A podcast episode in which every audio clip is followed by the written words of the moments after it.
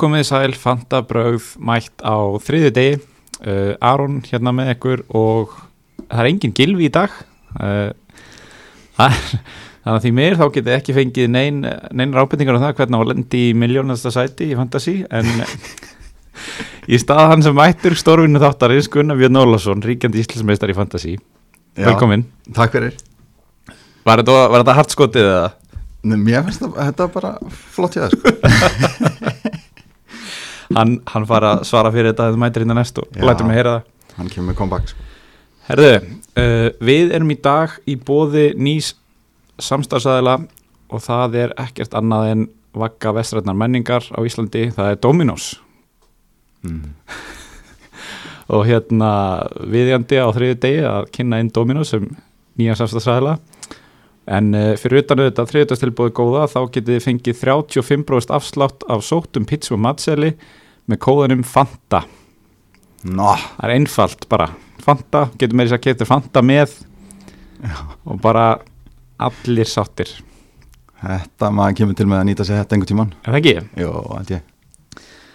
Herði, ertu búin að stilla upp liði? Já, maður er búin að er það ekki? hendi lið sko já, það er innan við tvær vikur í mót. Já, og hérna vantarlega, maður er svona búin að liggja frekar mikið yfir þessu. Já, uh, gott að vera assalmaður í dag. Það er bara málmur í hús um helgina og nýr leikmaður kynntur í dag. Bara málmur í hverju svo. Spilið ekki leik í ágúst án þess að vinna byggar hérna. Já, hérna, til hafingi með það. Já, takk fyrir. Ég er nú með einhver asina menn inn það sko. Það er svoleiðis. Já.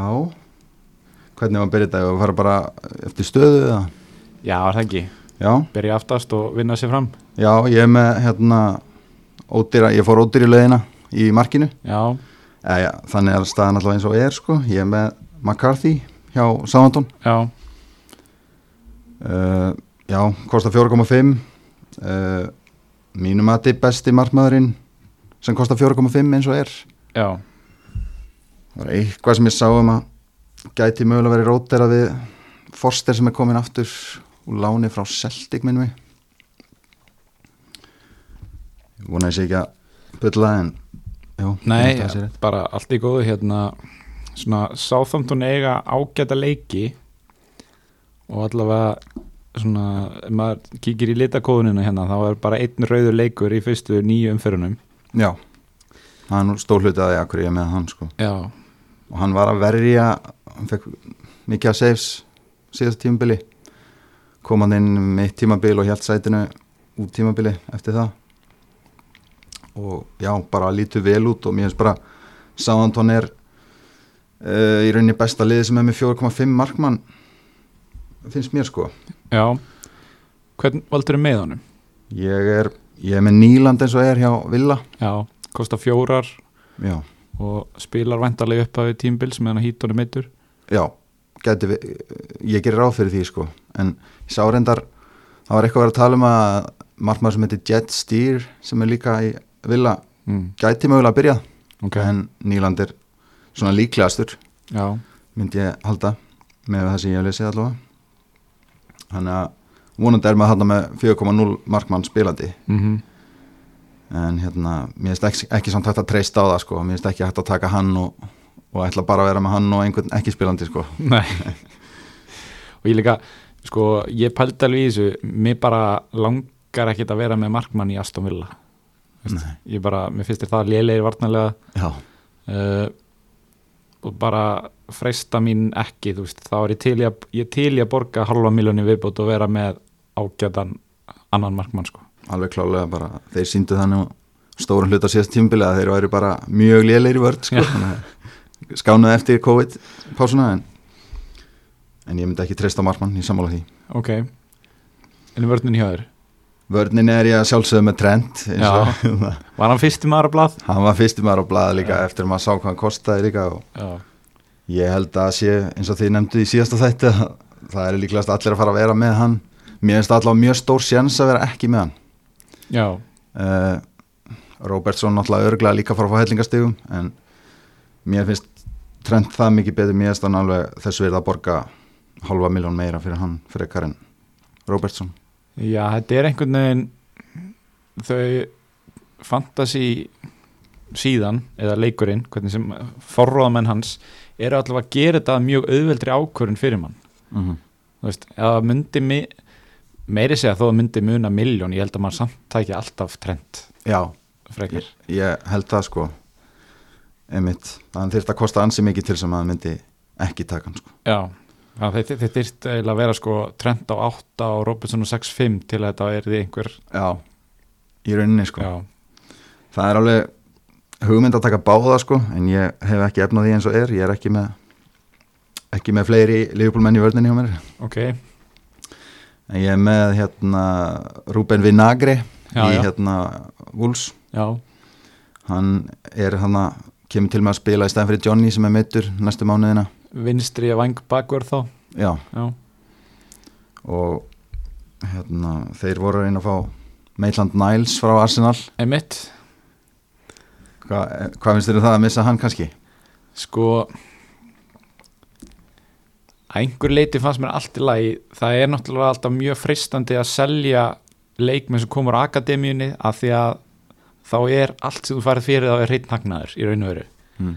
en síðan er það bara svo stert vopn að vera með svona fjölhafan leikmann í hópnum sem getur spilað báðar bakvarastöðunar og, og fyllt í skörðina á miðjunni líka ef það vantar mm. menn hafa valið maður leiksins núna í samfélagsgildinu Mm -hmm.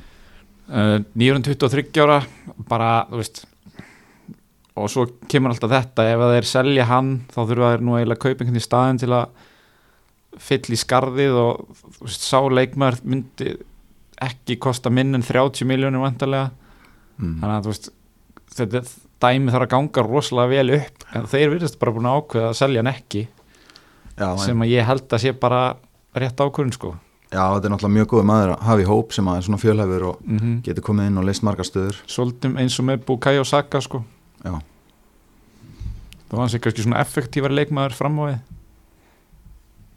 mm en já, þú ert með Ruben og svo hverju fleiri uh, svo er ég með Tottenhamann mm. ég er með Erik Dyer eins og er. Mm. það er búið að uh, hérna, færa hann af miðjunni niður í vörnina í fantasy leiknum. Og já, það, ég er líka maður er líka að skoða Sessinjón hann getur mögulega verið að fara að spila á kantinum. Já, eða svona vang bakvörð. Mm. það var einhver æfingarleikur um daginn hjá Tottenham þar sem að Sessinjón spilaði vang bakvörð. Og alltaf hafi ekki verið Oriér sem var hinum megin en hann kemur til með að vera þá dóhert í núna. Uh, veit ekki hvort að Móri fer yfir í hérna þryggja hafsenda kerfi eða hvort hann heldur áfram með fjóra í völdinni eins og hann hefur verið að gera. Um, já Dyer kostar 5 eða ekki? Það er kostað 5 já. Já. Og regnum við með að hann spili aftastur á meðju eða þriðji hafsend? Ég held að hann verði í hérna meðri völdinni já, með Toby. Mm, ég held að ég held að hérna Dyer og Davinson Sanchez hafi verið að spila mikið saman. Ok, síðan var hann tímabil það sem að þeir voru ekki available einhverja hluta vegna, ég man ekki hvað var og, Nú, og þá komu Toby og Vertongen inn. Já Vertongen var mikið vinstri bakur líka síðust tímbili Já.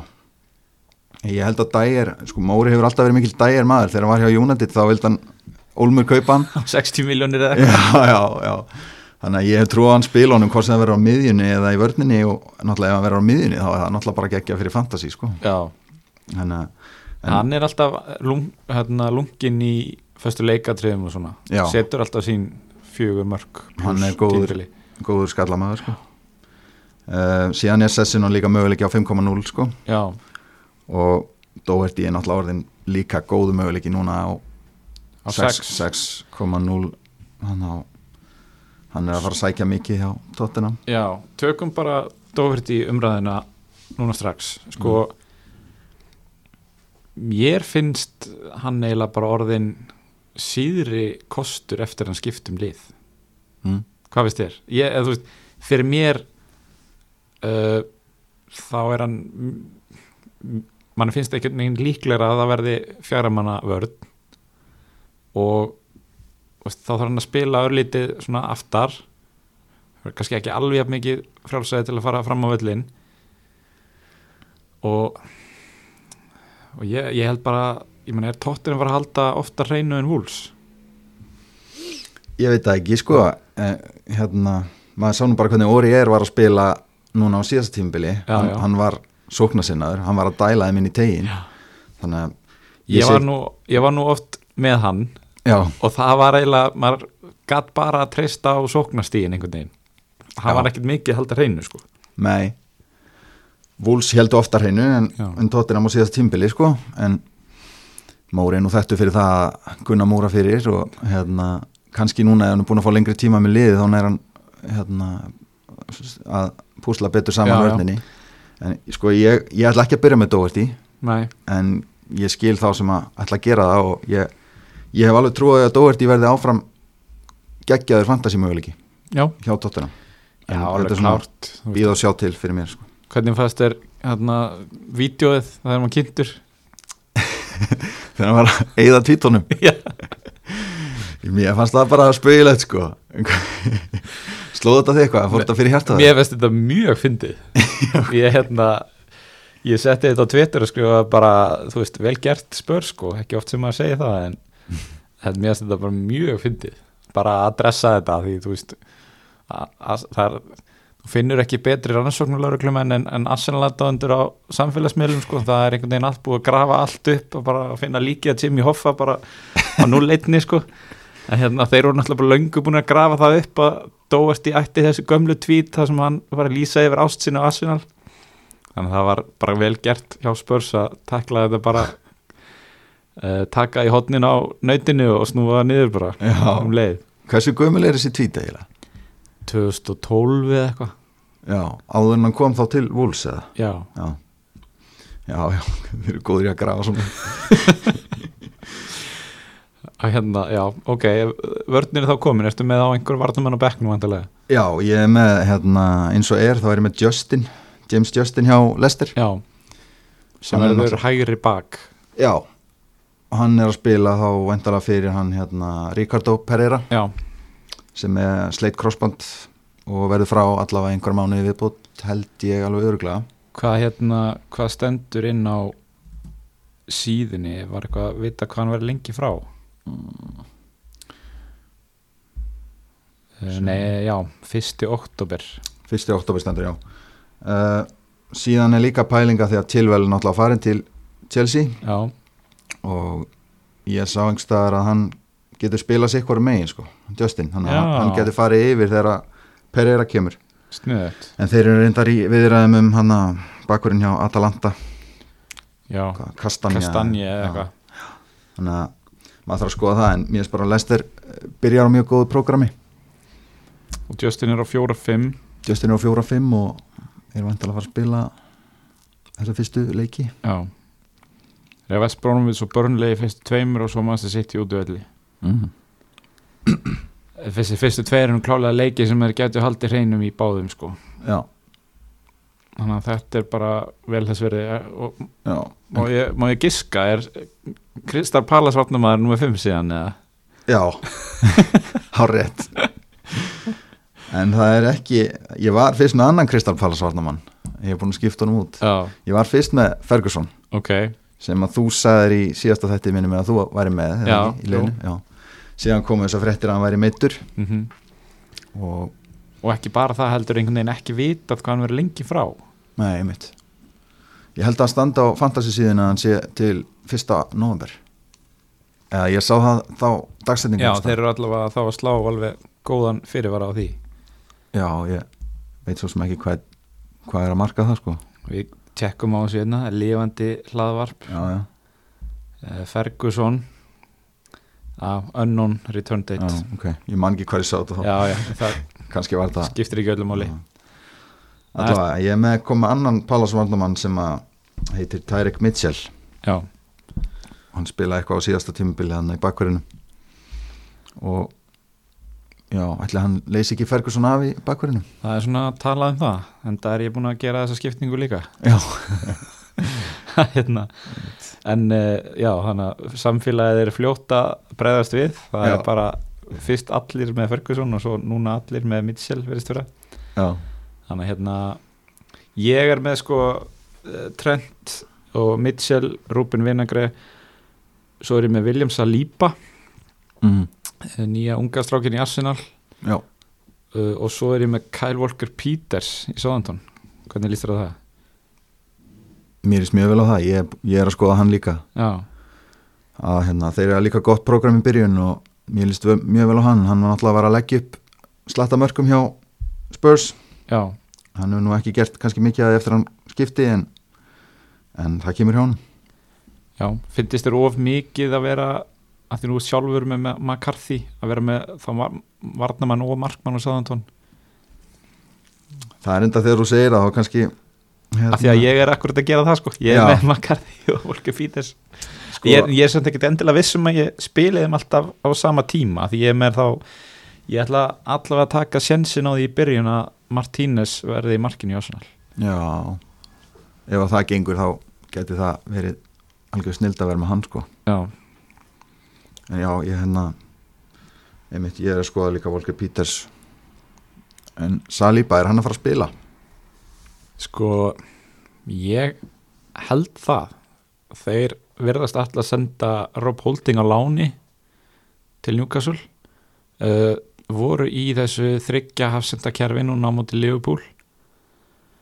Og það hefur gengið allavega það vel að ég sé ekki ástæðu til að breyta því eitthvað. Ég veit ekki hvort þeir eru með leikmannahópin í það að vera að fara að spila eitthvað sóknar sinna kerfi. En hérna voru að kaupa hann, kaupa hann í dag bara hann Gabriel Magalhaes þannig að hérna ég gæti alveg séð að uh, að því að William Saliba spilaði æfingarleik núna um þar sem hann er hægri miðvörður í, í þessu tryggja hafsenda kerfi og var mikið að bera upp boltan mm örugur á boltanum og það leit bara vel út þó að hann hafi ekki fengið núna leikinu samfélagsgjöldin þá held ég að það sé planið að koma honum í þessa hægri miðvara stöðu sko. og Gabriel Vinstramein og David Lewis í miðinni já. En hvernig, hvernig finnst þér að þið sé að losa holding? Mér veist gott að hann sé að fara lán. Ég er mjög hrifin aðeins á þessu leikmanni. Og hérna ég hef verið að þeir hefur selta núna þeir eru vantilega selta nú eitthvað lítið. Bara örgulega minn en 10 miljónir þess vegna svo já, þannig hérna ég ánæður að sé að hann fái bara spil hann sleit hann að crossband og þar síðast tímbili var lengi frá og þarf bara að komast í alvöru spilaform aftur og hvort sem hann kemur þá tilbaka sem betri leikmaður eða verður seldur þá ætti þetta allavega bara að bæta hann að öllu leiti sko.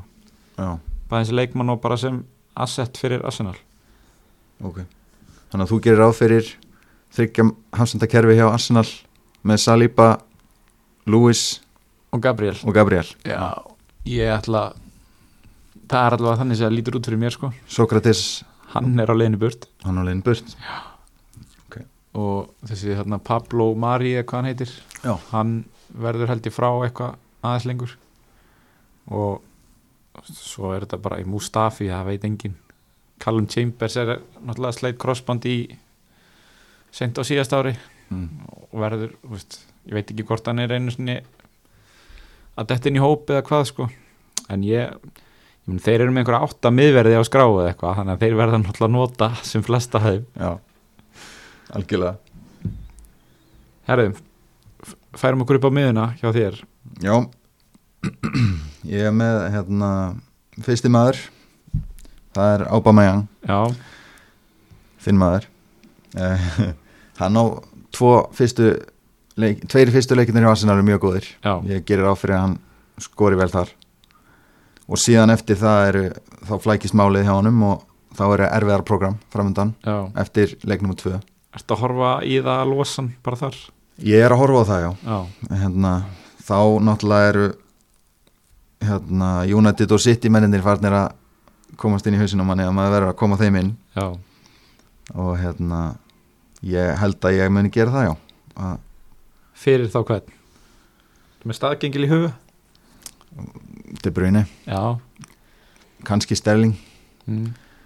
uh, já, eða, eða Bruno Já. skilur ég. Einhver af þessum sko. Rashford kannski, veit ekki. Ok. Þetta segir mig kannski að vantarlega að þú ert með Leopold mann á miðinni fyrst þú ert ekki búin að nefna nýja sér upptalningu.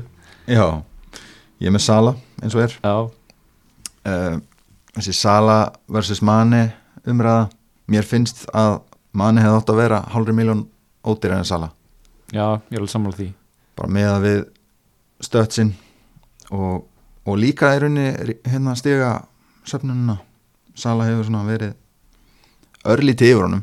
Já, þó er hafi svona verið nokkuð jafnir um, ég hef meiri trú á Sala en hérna, ég held líka bara Sala einhvern veginn eins og svo sem fleiri leifupúlmenn síndi kannski ekki alveg sitt rétt andlit eftir COVID-pásuna mm, þannig að hérna þannig að og það er margt, mörg tölfræði og annað sem bendir til þess að hann hafi veist spilað öllítið undir getu í raun og veru veist, hann, Já. hann var að eiga mikið af skotum og, og svona og ekki að skora kannski endilega mörg í samræmi við XG og annað þannig að ég er alveg sammála veist, mér hef fundist eiginlega þurft að muna alveg heitli miljón á þeim til að maður væri eitthvað í manni frekar. Já. Einmitt, ég er alveg sammálaður að hérna, ég held að Liverpool komi mun sterkari núna til leiks heldur en voru hérna, eftir COVID sko. Já, ertu með annarkotna af þessum Sala eða Aubameyang sem fyrirlega í fyrsta leik? ég, já, ég er nú ekkert búin að ákveða það neitt sko en bandið er á Aubameyang eins og er. Já, um, já, maður sér oft þess að að þeir eru enda báðir að spila við nýliða ég ætla að segja að sér nýliða nátt koma sterk inn sko. Já, en já, þetta er bara 50-50 call fyrir mér sko. Ég, já, ég held að það gæti alveg verið bara eitthvað svipað við sáum í, í fyrra þegar að, að öll stóru nöfnin stóðu sér vel í fyrstu umfyrinni já, og hérna, maður gæti alveg séð eitthvað svipað með allavega þessa tvo mhm. Sala og Aubameyang, þannig að vonandi bara fyrir alla fantasíða döndur þá standa þessi báðir vel, það sem að ég held er verið í mörgum liðum. Akkurat. Já. Næsti maður hjá mér það er Thomas Susek Tjekkin Já. hjá Vestam ok. Uh, Ég Mér líst vel á hann sko bara til að hafa hann í liðinu og hafa hann á bekknum Já, lengi af því að þetta er leikmaður sem að virðist vera bara duglegur að skila mörgum mhm. Mjög sterkur í tegnum og skila skallamörgum og svona. Inn í 2.0, sagði einhver. Já, einmitt, nýju fælaðin í og, og hérna þess vegna er ég með hann og hann á náttúrulega mjög erfitt prógram eftir fyrstu umferðina, hann á Newcastle heima í fyrsta leik sem er góður, góður leikur. Mm -hmm. síðan er mjög erfitt prógram eftir það. Og já, ég er nú ekki kannski kem betur inn á það aðeins og eftir akkur, ég, akkur hann er hann en hérna næsti maður hjá mér er Saint Maximin. Já, Uh, þeir eru nokkru þarna 5,5 miðjumenninir sem ég hef verið að skoða. Um, og eins og er það er ég með hann núna Saint Maximin.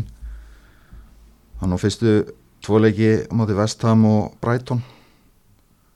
Og ég held að hann og svo eitthvað svona mix eftir það, eða ekki svona gott, ekkert allslænt prógram en heldur ekkert frábært.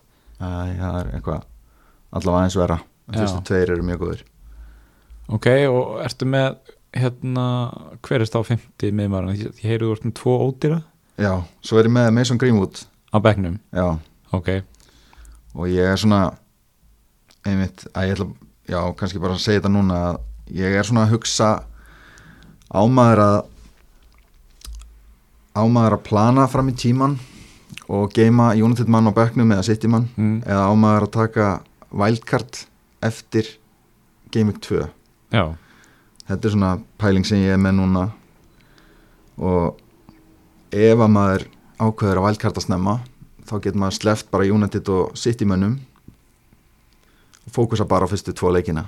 Já, ég er jafnvel búin að hérna, það er einn sem ég sá á Twitter sem að hérna, ætlar að wildcarda strax eftir fyrsta leik sko, ok. Og fylla liða United og City mönnum.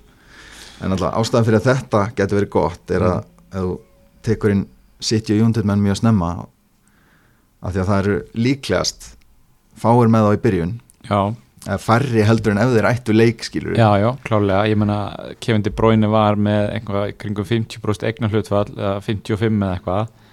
Og svo þegar að leikja dagskrón kom í ljós og svona nokkru dögur setna þá var hann búin að droppa um bara einhver 10-15% í hlutfalli hann er núna í 36,4 Já. og fer væntilega, það er ekki nema einhver rétt rúmlega 2 miljónir spilar búin að skrá sig til leiks.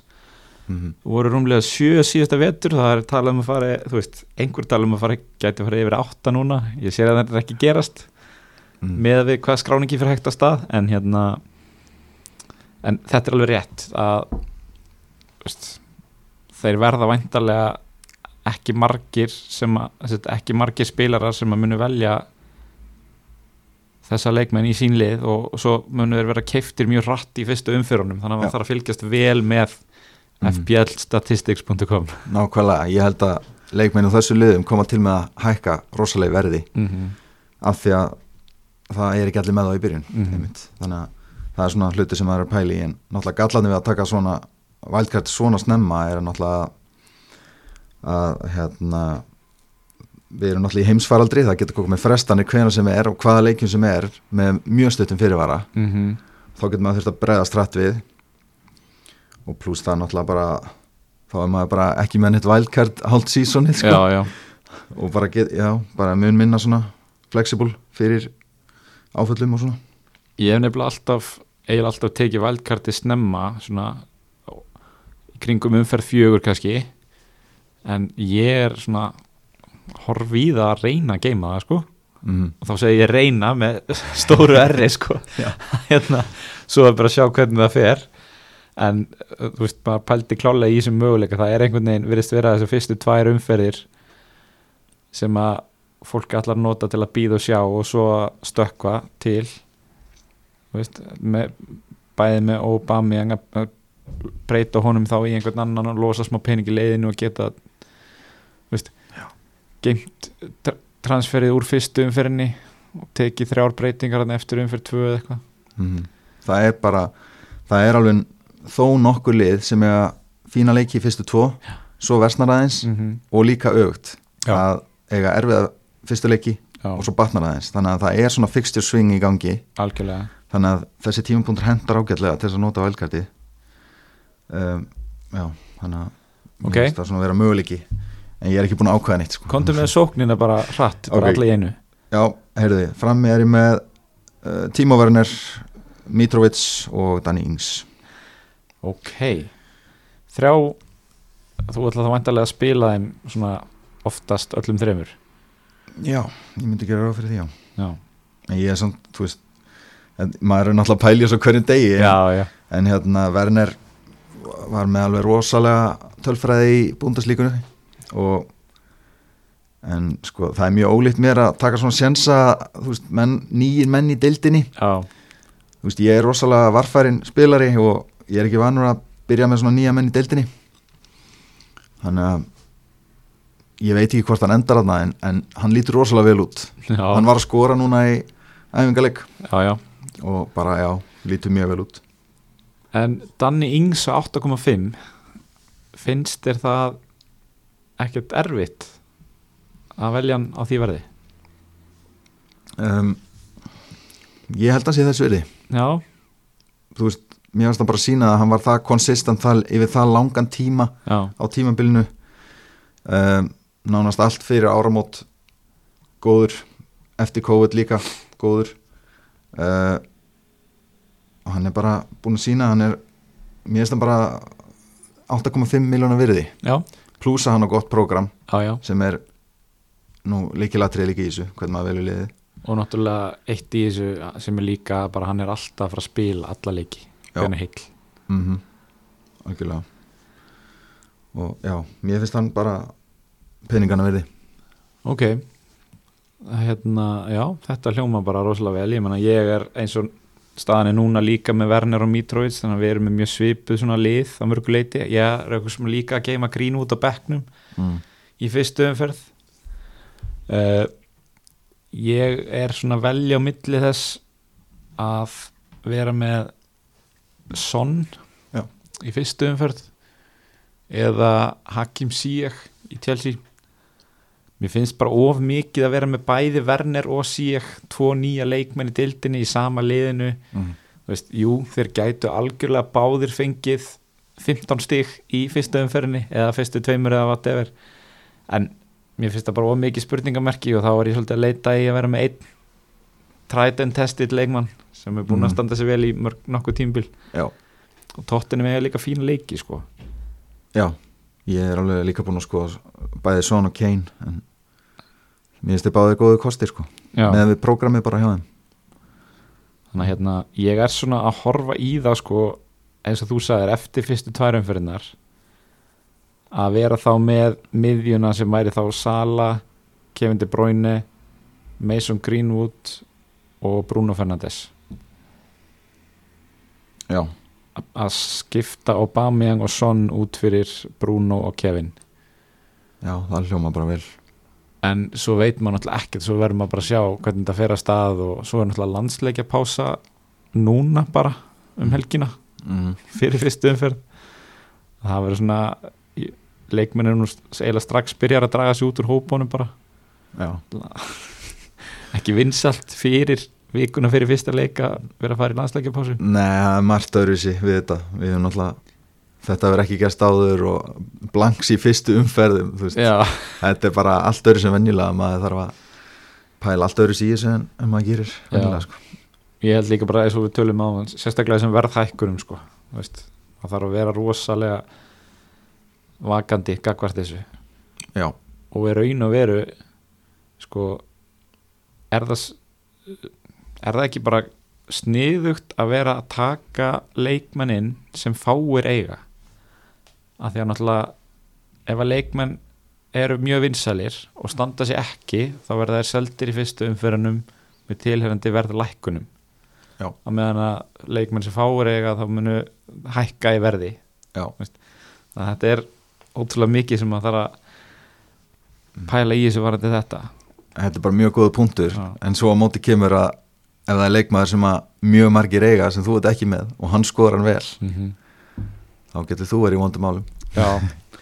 Hvað hérna, hvað finnst þér með Raheem Störling? Nú er eiginlega bara enginn sem á hann. Ég skil ekki að hverju mér finnst hann ekkit vera neitt mikið verri kostur en De Bruyne sko. Nei, skora hann ekki 20 mörg á síðast tímbili og lagði upp reyndar 6 mm hann er, hann er búin að vera með veist, tímbili 2 þar á undan þá skoraði hann 17 og lagði 15 og skoraði 18 og lagði upp 17 Þetta er svakalega tölur. -hmm. náttúrulega hann bara því miður var ekki góður á síðast tímbili þrátt fyrir þessi 20 mörg að það komu þau hansi mörg eftir COVID-básuna svona hlutvarslega Já, hann skoraði þrennu í fyrstu umferð síðast. Emmitt þannig að mér, mér finnst það ekki vera no-brainer að velja De Bruyne frekar en hann. Nei. Mér finnst þetta vera eitthvað sem að maður þarf að pæla í. Mm -hmm. Ég, hérna, og kannski horfa á þá leiki sem að sitt í eiga áður en maður fyrir að taka ákvörðunina? Já, ég held að sko, ég hef stundu sagt að það er ótrúlega næs ef maður ætlar að býða og sjá að liðin eigi svona tiltölulega erfiða leiki svona óþægilega leiki. Mm. uh, þú veist, það er erfitt að sleppa Raheem Störling heima á móti Aston Villa. En það er ekkit erfitt að býða af sér þennan uh, útileika múti Wolves sem þeir eiga fyrst. Mm þannig að það er svolítið hægt að nota hann sem bara glugga til að býða og sjá bara alveg hvernig Pep stillir upp liðinu og svona. Hvað finnst þér með Phil Foden? Heldur að hann fái starra hlutverk í ár? Uh, Já, ég held að hann fái stærra hlutverki ár, já. Mm. en ég ætla ekki að byrja með hann. Nei, bara vegna þess að það er svo mikil óvisa já, að hérna, þeir eru með nýja leikmenn uh, það eru leikmenn farnir. Maður veit ekki hvert hans hlutverk verður. Síðan sá ég einhver staðar að hann myndi veist, hann hefur verið að spila til hliðar við sóknamannin sem hluta þess, þessum fremstu þreymur að hann muni fara neðar mögulega í sömu stöðu og Silva var í eða eitthvað. Og þá veit maður ekkit hvernig hans stigasöfni verður í fantasi Nei. þannig að fyrir mér þá ætla ég að býða og sjá til. Það getur vel verið að maður verður komið með hann bara eftir örfárum fyrir sko Já, einmitt. Ég ætla aðeins að sjá til. Ég hérna, var með hann hinn í liðinu í síðast þætti og búin að skipta hann út. Þannig að eins og segir maður, og þeir eru náttúrulega lít, lester síðan heima í leiknum eftir það. Þannig að er auðvitað að hægt að býða alveg þessar fyrstu tvo leiki sem þeir eiga sko. Já, en maður þorir. Herði, þá er það eh, svona nokkri punktar. Eh, Adama Tróri grindist með veiruna í dag já, og verður vantarlega frá í fyrstu leikjunum. Og ef svo er þá náttúrulega veit maður aldrei hvað áhrif þetta hefur á eh, þolið og annað hjá leikmönnum. Nákvæmlega. Þannig er hann ekki bara úr leik sem fyrst fantasy leikmaður í, í byli Jú, held ég. Þú veist, COVID þetta fer svo rosalega mismundi í fólk, já sumir eru mjög lengi að ná sér eftir þetta. Mm þú veist, marga mánuði jafnvel sko. Þannig að, veist, þetta er ekki djók þetta COVID sko, að hérna já, og maður hefur heyrt að þetta leggir sérstaklega illa á bara lungun og úthaldið hjá fólki já. En sko, sumir jafna sér bara nokkrum dögum. Já. En þú veist, maður veit það ekki. Svo Pogba með þetta líka náttúrulega. Mm þetta geti verið stórmál, en vonandi ekki. Maður vonar það besta. Algjörlega. Um, það er einn punktur sem að er mikið búið að tala um og það er að varnamenn Wolves og Burnley. Mm. ef þú velur varnamenn og þessum tveimur liðum saman og rótir þeim rétt að þá þarftu bara að spila við þessi hefbunnu top 6 lið tvisasunum tímbilinu ég held að sé bæði skiptinu mútið Arsenal. Já, það er nú, það er nú ágætis Já, já, það er það er hérna þú veist, það hendar bara fínt. Já. þannig að hérna er þetta eitthvað sem að þú ætlar að pæli takkar þá með Rúbin Vínangreið að taka þá líkin börnlega varnamann? Já, það kemur mjög vel til greina. Ég einmitt var búin að skoða þetta. Þetta er, alveg, þetta er náttúrulega tvö lið sem eru mjög sterk varnalega Já. og eru bæði með kosti sem kosta lítið. Mm. -hmm. Leikmenn, leikmenn sem kosta lítið. Og hérna uh, reyndar eigaðu bæði ekkert spes fyrstu tvo ef, ef Wolves eru með Sheffield United úti það er kannski alltaf leiði leikur en síðan sitt í heima. Master City á, Já. akkurat. Og hvað börnlega á blank í fyrsta Já. og svo einhvern veginn ekkert mjög góðan leik. Já, þannig að mér finnst alltaf lægi að byrja ekki með þessa tvennu sko. Ég mitt En e- ef að hérna fólk ætlar að gera þess að þú að taka vældkart eftir aðra umferðina þá spur, spurning hvort að þetta sé ekki bara sniðið Hva, Já. Hvaða varnamann í börnlega myndur þú taka? um, Charlie Taylor kemur sterklega til greina Er það ekki? Jú, Er hann vinstri bak hjá þeim, er það ekki? já, það ekki, mér minni það. Ég myndi ekki taka Erik Peters Nei, hann var bara að covera að því að það voru meðsli að Charlie Taylor var meður og þá kom hann inn í loki hana eftir COVID um, svo hinum megin er Bardsley er hann ekki líka á 4,5 eða? jú. Já, hann er möguleiki líka. Svolítið spjaldasafnari kannski. Já, en hann er líka góðu kostur. Það, ég ætla bara að segja það núna Phil Barsley fyrir ekki í mitt liði vetur. Ég er ekki að fíla hann sem típu bara. Þannig að nei, kannski ekki. Um, Ok, fymti miðjumar hjá mér eins og er er hérna leikmaður sem var að gera fimm ára samning við Everton í dag Anthony Gordon, já, ertu ekki búin að skoða hann? ég hef ekki mikið skoðað en, en ég, ég hef ekki trúið að hann sé að fara að spila nú mikið til þess að, að þú veist, auðvitað er hann ef maður er með 4,5 var- hérna, miðjumann þá kannski býst maður ekki við að hann brillar í hverju umferð en, en ég held að hann sé ekki að fara að spila neitt mjög mikið. Heldur þú eitthvað annað með það? Nei, nei, ég, maður er svo sem bara að byggja þetta á einhverjum Twitter þráðum og einhverjum svona veik pælingum sko. Og bara svona vonaða besta. Bara hafa hann í hóp og vonaða besta sko. Já. en hann er kannski fyrst og fremst aðna að því að mér finnst bara ótrúlega lélegt úrval eða kannski er þetta bara erfitt að velja miðjumenn sem kosta 5,5 eða minna. Já. Sko, já, allavega þessi 4,5 miðjumenn finnst mér ekki spennandi. Nei, þú veist, það, það vantar svona kosti sem við höfum í fyrra í Todd Cantwell til dæmis já, á 4,5 uh, það er einn hann einn sem er núna í Southampton var á láni hjá Fúlam í fyrra. Hann heitir hérna ekki Armstrong eða? Harrison Reed Já, hann. hann er 4,5 miðumar sem að er að fara aftur til Fúlam ok. frá Southampton. Hann er að fara að spila held ég. Ég hugsa að ég myndi taka hann ég til að taka 4,5 miðumann ok, en þú veist ég held að þetta skipti ekki miklu máli því maður er hvað sem er að fara að geima það á þannig- Já, það er svolítið það sem ég er að horfa í sko líka bara, ég var með sútsjekk hérna eins og þú, Já. miðinni Mhm. svo svo ég leikjaprógram hjá Vestam og ég bara ældi í fötu sko. Já, já, já.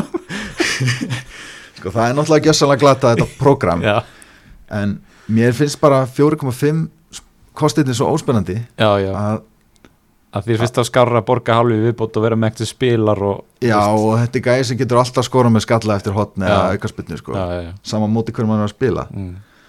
en ég er ekki eins og við sem hann endi í liðinu mínu sko. Þetta er alltaf pælingin á bakvið að var með hann og Antonio sko, ég, ald, ég bara flýtti mér að kveikja á tölvur þetta er ekki að selta sko.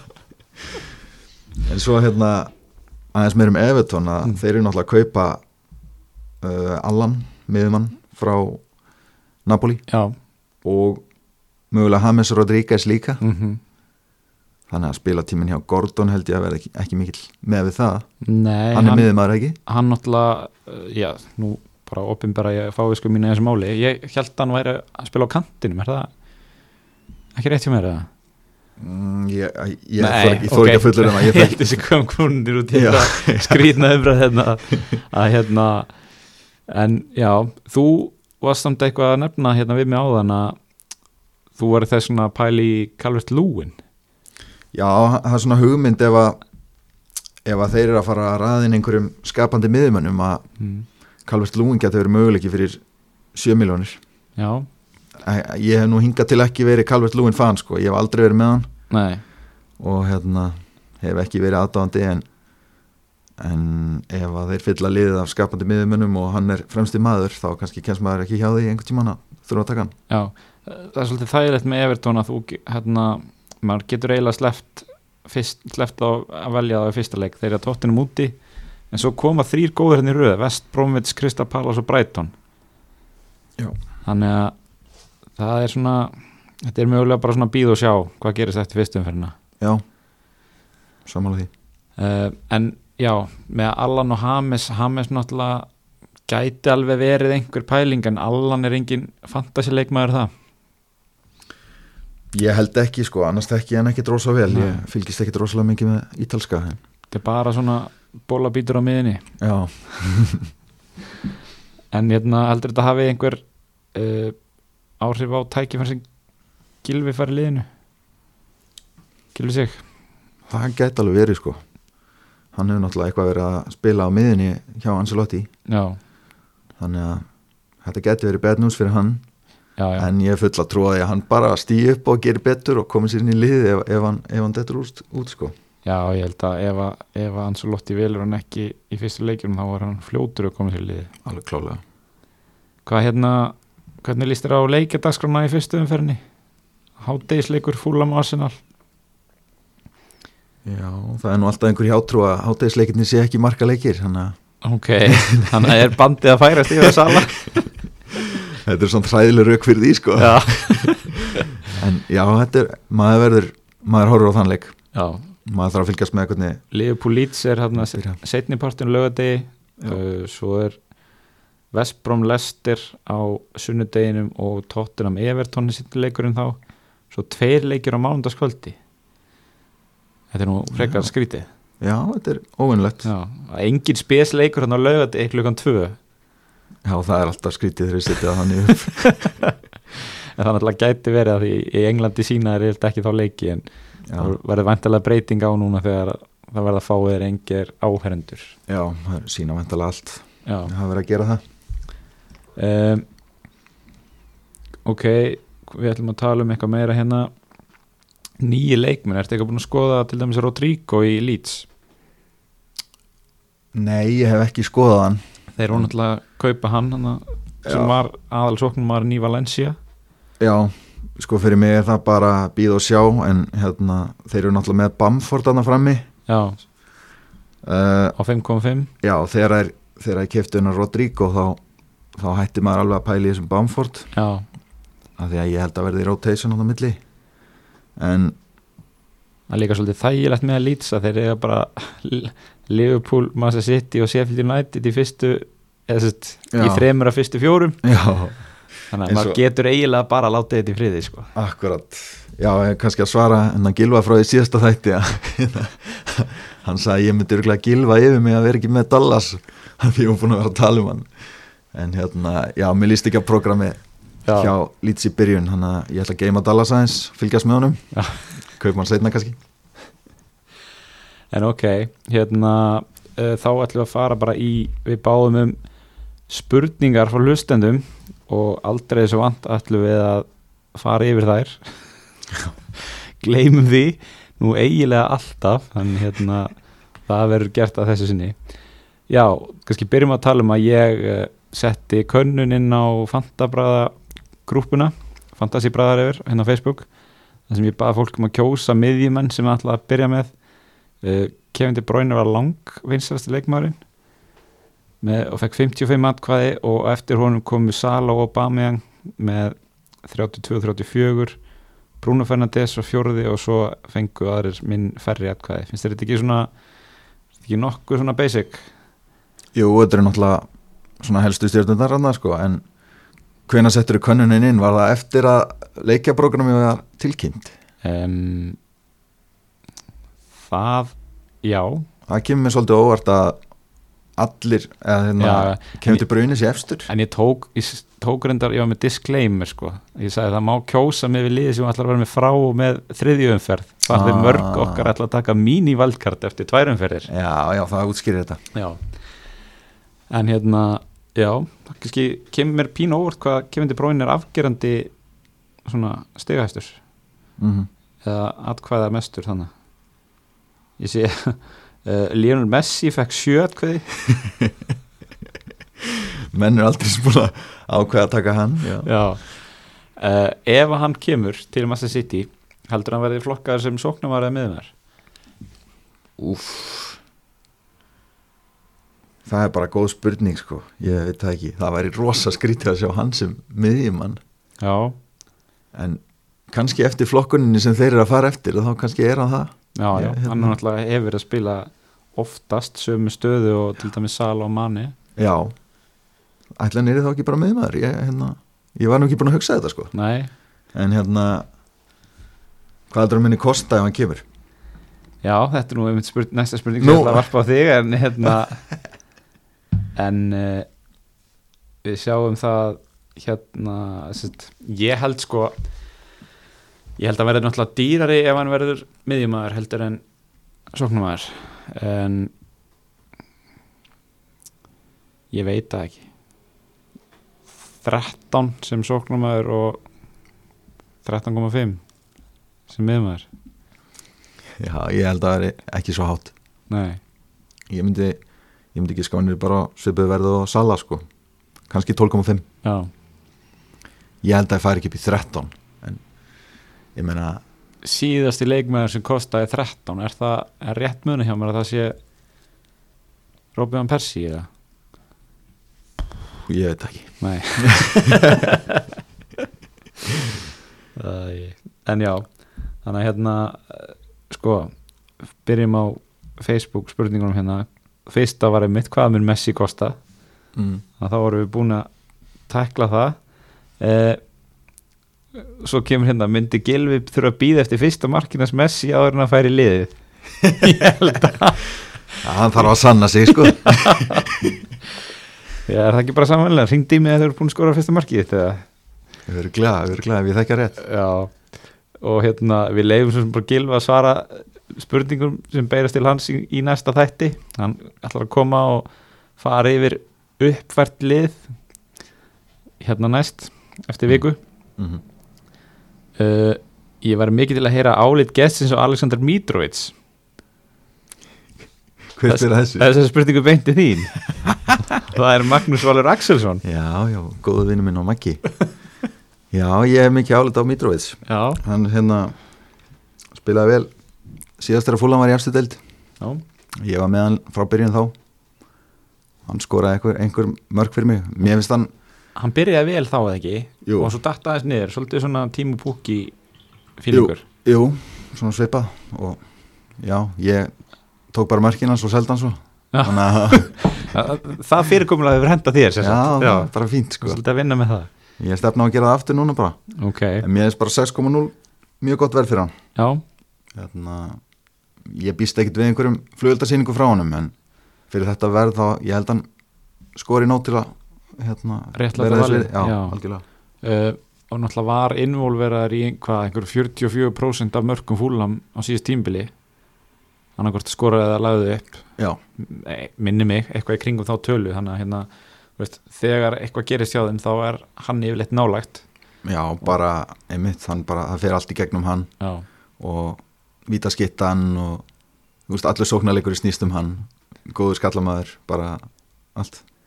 Hann hefur þetta allt. Ok er Chelsea liðskipanin hinn nýji hausverkur ala pep rotation?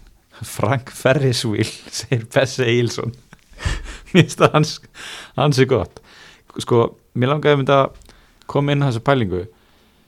Er Chelsea að breyta of miklu hjá sér, er það að taka of marga nýja leikmenn inn í hópin það er bara góð pæling. Já, þetta er náttúrulega allt frábæri leikmenn. Þetta gæti alveg gengið mjög vel hjá þeim. En maður sé líka alveg fyrir sér að þetta takir tíma að stilla þetta saman. Og þú veist það er ástæð, ég ætla ekki að vera með tvo Chelsea menn í byrjun. Það gerist ekki. Gæti verið með einn. En annars líst mér eiginlega best á Pulisic að þessum mönnum sko. Ok. Hann er búin að sanna sig í sér deild núna eiginlega svona Já. hálfpartinn. Mér finnst hann ekki of dýr hvað er hann, 8,5 eða ekki? jú, jú, henni leikmann sem búin að breytast í verði á þessu tímbili Já, já, já, hann er búin að hækka um það, 0,5 það, það sem að síðan kynntan óvart til leiks á 8,0 og Já, svo voru greinlega einhver mótmæli þannig að hann hækkaði upp í 8,5 já, það var nú óþarf hjá hann En hérna, já, ég mér líst eiginlega best á hann að þessum mönnum, já, en hann er náttúrulega mittur þannig að ekki byrja með hann. Um, já ég svo, svo veit ekki hva, hversu meir, mikið meira er hérna. Bestu 4,5 varnamennir segir Ari Eilsson Já. Vist, erum við ekki búin að fara um yfir það svolítið? Það er, við erum svolítið að horfa í Kyle Walker Peters, Rúbin Vinagre uh, börnlega varnamenn að þeir fara að spila. Mm -hmm. og, veist, James Justin. Já. Já, mér finnst það bara nokkuð vel kofara hjá okkur. Herre, þá ætlum við að færa okkur yfir á Instagrami, það er hérna Fantabröð, hvorki meira en minna og við fengum einhverjar pælingar þar inn, heldur betur mm -hmm. Ertu ekki með þetta klárt eða? Herre uh, Doherty, við erum svona búin að fara yfir kaftin í fyrstu umferð er það Aubameyang, það er já fyrir mig allavega Já, mér finnst það góð hugmynd Þú veist, hann er búin að spila hann skora núna ég get eiginlega ekki einu svona talið að hvað hann skora mikið af mörgum í röð fyrir Arsenal sko veist. Hann er glóðheitur, hann er að spila upp á nýjan samning eða nýtt lið kannski? Hann Hann er heitur. Já. Uh, Leeds-vörnin og markmenn já, Leeds-vörnin og markmennir. Við erum eiginlega bara við erum búin að bara tækla þetta. Það er bara býð og sjá. Já, bara prógramið eiginlega kemur í veg fyrir að maður sé með þessa menn. Já, En ég er nú samt alveg búin að sjá lýtsara í mörgum dröftum sko. Já, Bæði Dallas og Eiling Já. hinn bakurinn Þannig að fólk verðist á að trúa þeim. Uh, leikmenn á fjórar og 4.5 sem er að fara að spila einhverja mínútur. Það er nú ekkit margir á fjórar. Nei, hérna kannski Johnson hjá Vestham voru búin að tala um hann? Nei, nei, Johnson hjá Vestham kostar 4,0 varnamæður ok. Mögulega að fara að spila í bakverðinum það er hann, mót- hann eða Fredriks já, sem kostar 4,5 og það er svona hör bara það hann á milli um sæti sko. Johnson geti verið að fara að spila. Já. Í þessum tölu orðum með Johnson vinsalasti varnamaður vestam með 3,1% eignar hlutvall Já, hann var ekki dvoða hátt en Nei. já, samt uh, Ferguson er meittur hvernig á að taka inn það er náttúrulega bara Mitchell félagans í Krista Palace. Eða Johnson. Já, eða Johnson. Uh, Sjá Vardi Timi Vardi Vardí er minn maður sko. Ég, ég er alveg búin að að hugsa um hann. Á tíu. Já, ef, sérstaklega ef maður ætlar að vælkarta snemma. Já, því að þeir eiga ágæta leiki í byrjun það er reyndar eitt sitt í leikur annað en fyrir utan það. Gott program já, ég held að hann getur skila vel. Ég held hann mun skora einhver 18 til 22 mörg sko. En það er erfitt. Sérstaklega einhvern veginn núna þegar að maður er alltaf að reyna þegar maður ætlar að reyna að hafa allan peningi sinni í miðjunni. Mm. að vera með Vardí og jafnvel annan sóknumann sko. Veist, ég veit ekki, ég byrja allavega með Tímo Werner, það er þó auðvelt að færa sig upp í Vardí ef að hann já, skilar ekki í fyrstu leikunum ég er náttúrulega Liverpool í öðrum leik.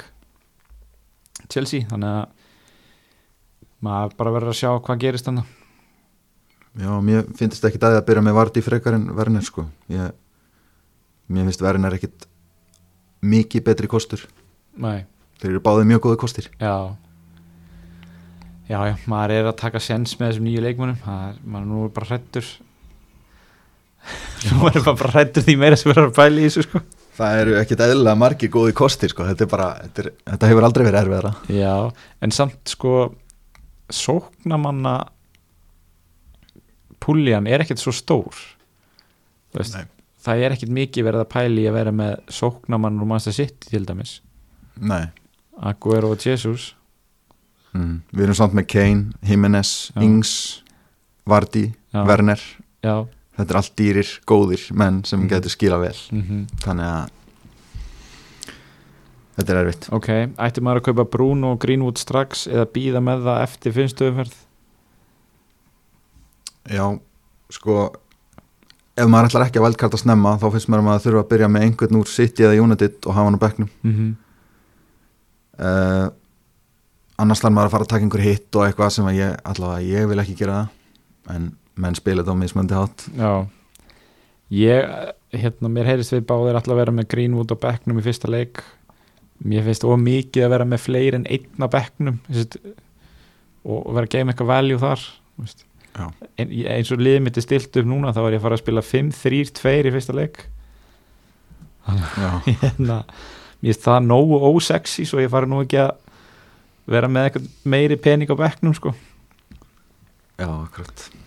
Það er með Sala, Son og Bamiðang á miðinni og svo Mitrovic og Werner frammi. Já, hljómar kunnulega? Já þetta verður eitthvað sko já, einmitt, þetta verður mikið valjú á bekknum í, í fyrstu umferð sko já, Eh, mörgum. Hvaða leikmenn ættu menna íhuga sem enginn við sér að tala um fyrstu tveir sem mér dettur í huga er Störling og Mani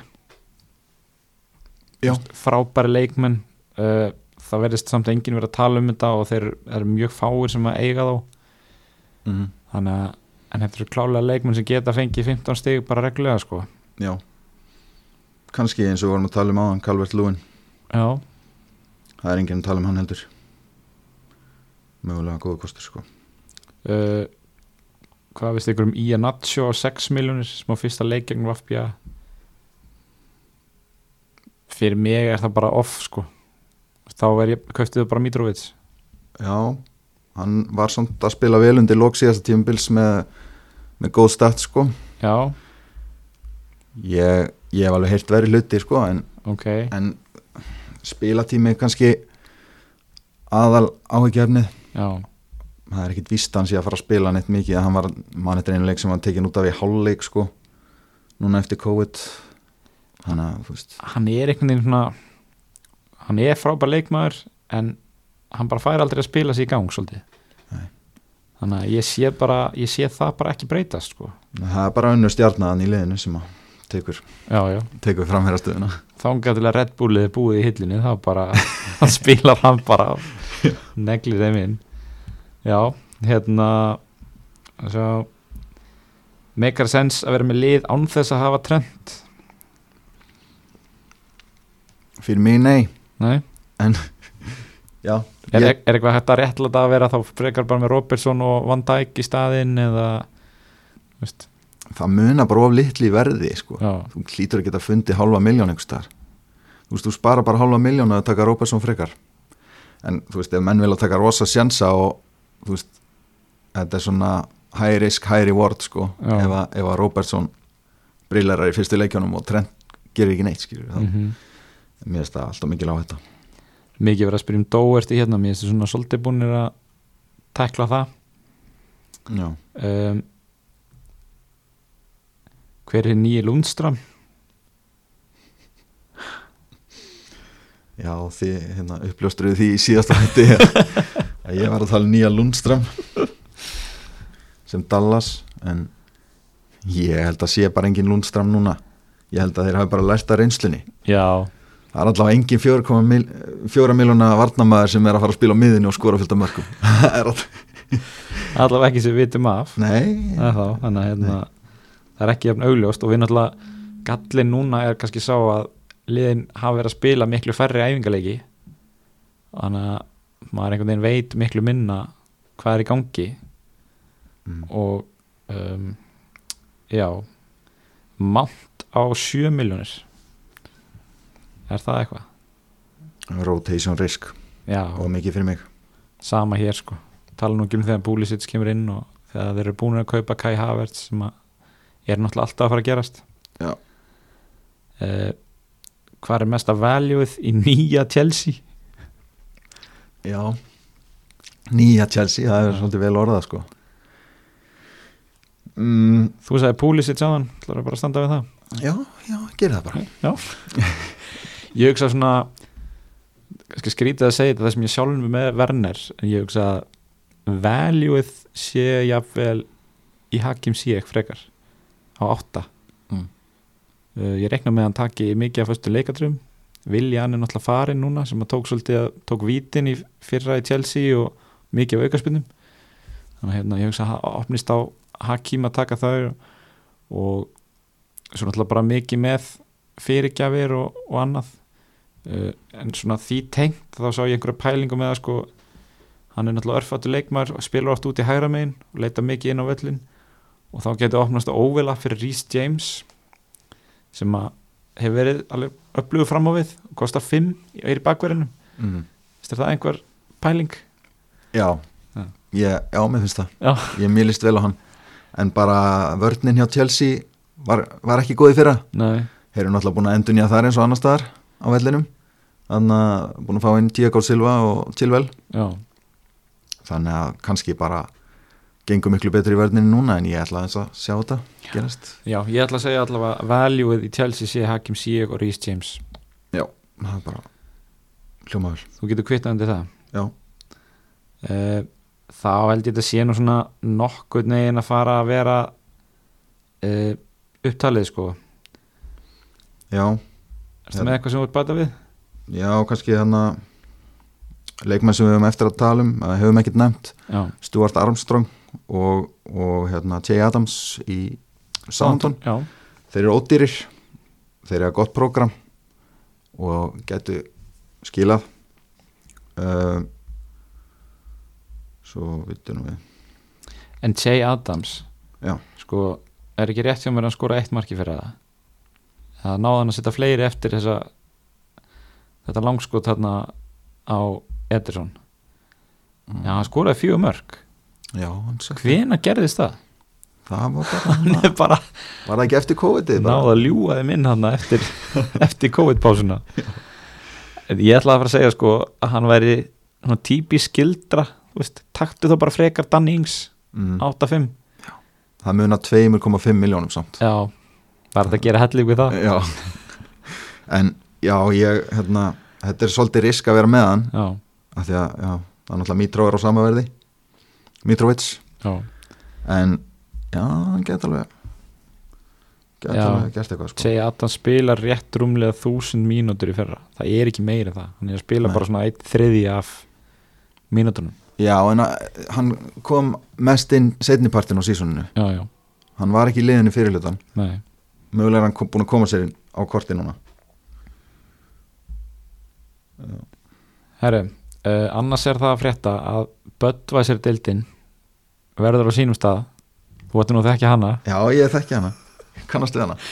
Og hérna það er búið að, sagt, að því að við erum með puttan á púlsinum það er búið að endur nýja dildina frá því fyrra. Þannig að öll okkar sem að voru með í henni ættu að detta sjálfkrafa inn í hana aftur. En ef ekki að þá sé ég hæstvirtur varafyrirlið þáttari Skilvi Tryggvason er búin að posta kóðanum hérna inn á grúpun okkar. Og hérna þið getið fundið hann þar. Já, og við setjum hann líka í fréttina. Hann á eftir að svara þessu varafyrirlega kommenti. Já, já. Uh, Ég hérna, við erum svo sem eftir að ræða betur, það, það er á hverjum degi er, heyrast herri og herri rættir um það að við séum með okkur eigin deild. Mm. Sem að ég hugsa að við munum enda á að gera. Þetta er bara spurning um hvort það verður hefðbundin deild eða head to head deild. Ég finnst það svona svolítið skemmtileg pæling að, uh, alvöru bræðarrefinir eru þau með sína einn head to head deild það sem að þau, þau myndu keppa sína milli í hverja einustum fyrr Já, ég, ég, ég hef aldrei verið í svona stó, rísastóri head to head dild, það er svona hljóma spennandi Nei, nei, en hérna það, við ræðum þetta bara eftir þátt og það, þetta verður komið á hreint áður en mótið byrjar. Mm. en annars, eins og ég var að segja þá hvetjum við ykkur bara til að fara og, og stilla upp liði og skrá ykkur til leiks og það er náttúrulega allt of fáir skráði til leiks eins og er. Þetta er að fólk sé svolítið svona ennþá að jafna sig á þessu skrýtna síðast tímbili og eigi erfitt með að byrja Já, það er náttúrulega ekki allir jafn sjúkir og við að vera að fulli í þessu núna sko. Herðu, þá bara segjum við þetta gott í fantabröðum í byli, heyrumst aftur á næstu viku. Uh, þá förum við yfir uh, þetta leikmenn sem er að mæta nýjir í deildina.